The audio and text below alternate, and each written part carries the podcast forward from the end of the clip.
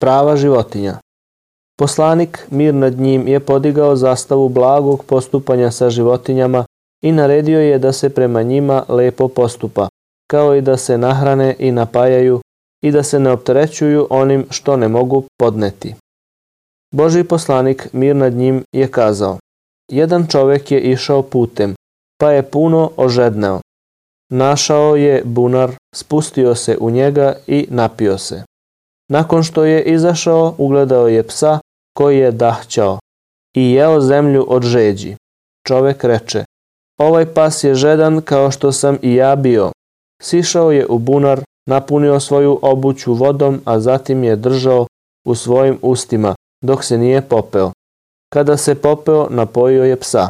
Bog mu je, zahvaljujući tome, grehe oprostio.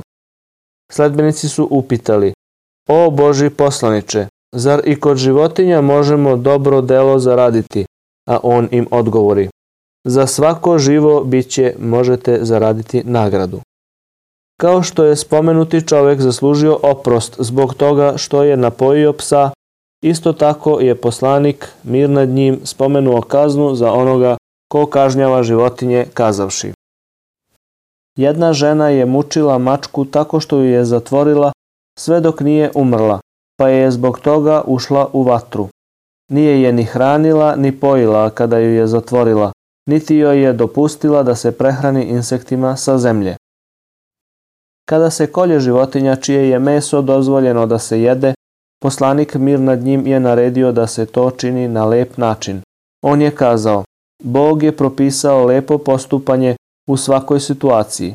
Kada ubijate, to lepo blago činite, a kada koljete, to lepo radite. Zato naoštrite svoje noževe da bi olakšali životinji koju koljete. Od Ibn Abasa se prenosi da je jedan čovjek položio ovcu oštreći nož pored nje, pa je poslanik mir nad njim kazao Zar želiš da je usmrtiš više puta?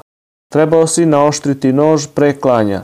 I kazao je, Bog je prokleo onoga ko masakrira životinje. I kazao je, Ko bude milostiv prema životinji koju kolje, makar to bio i vrabac, Bog će mu se smilovati na sudnjem danu.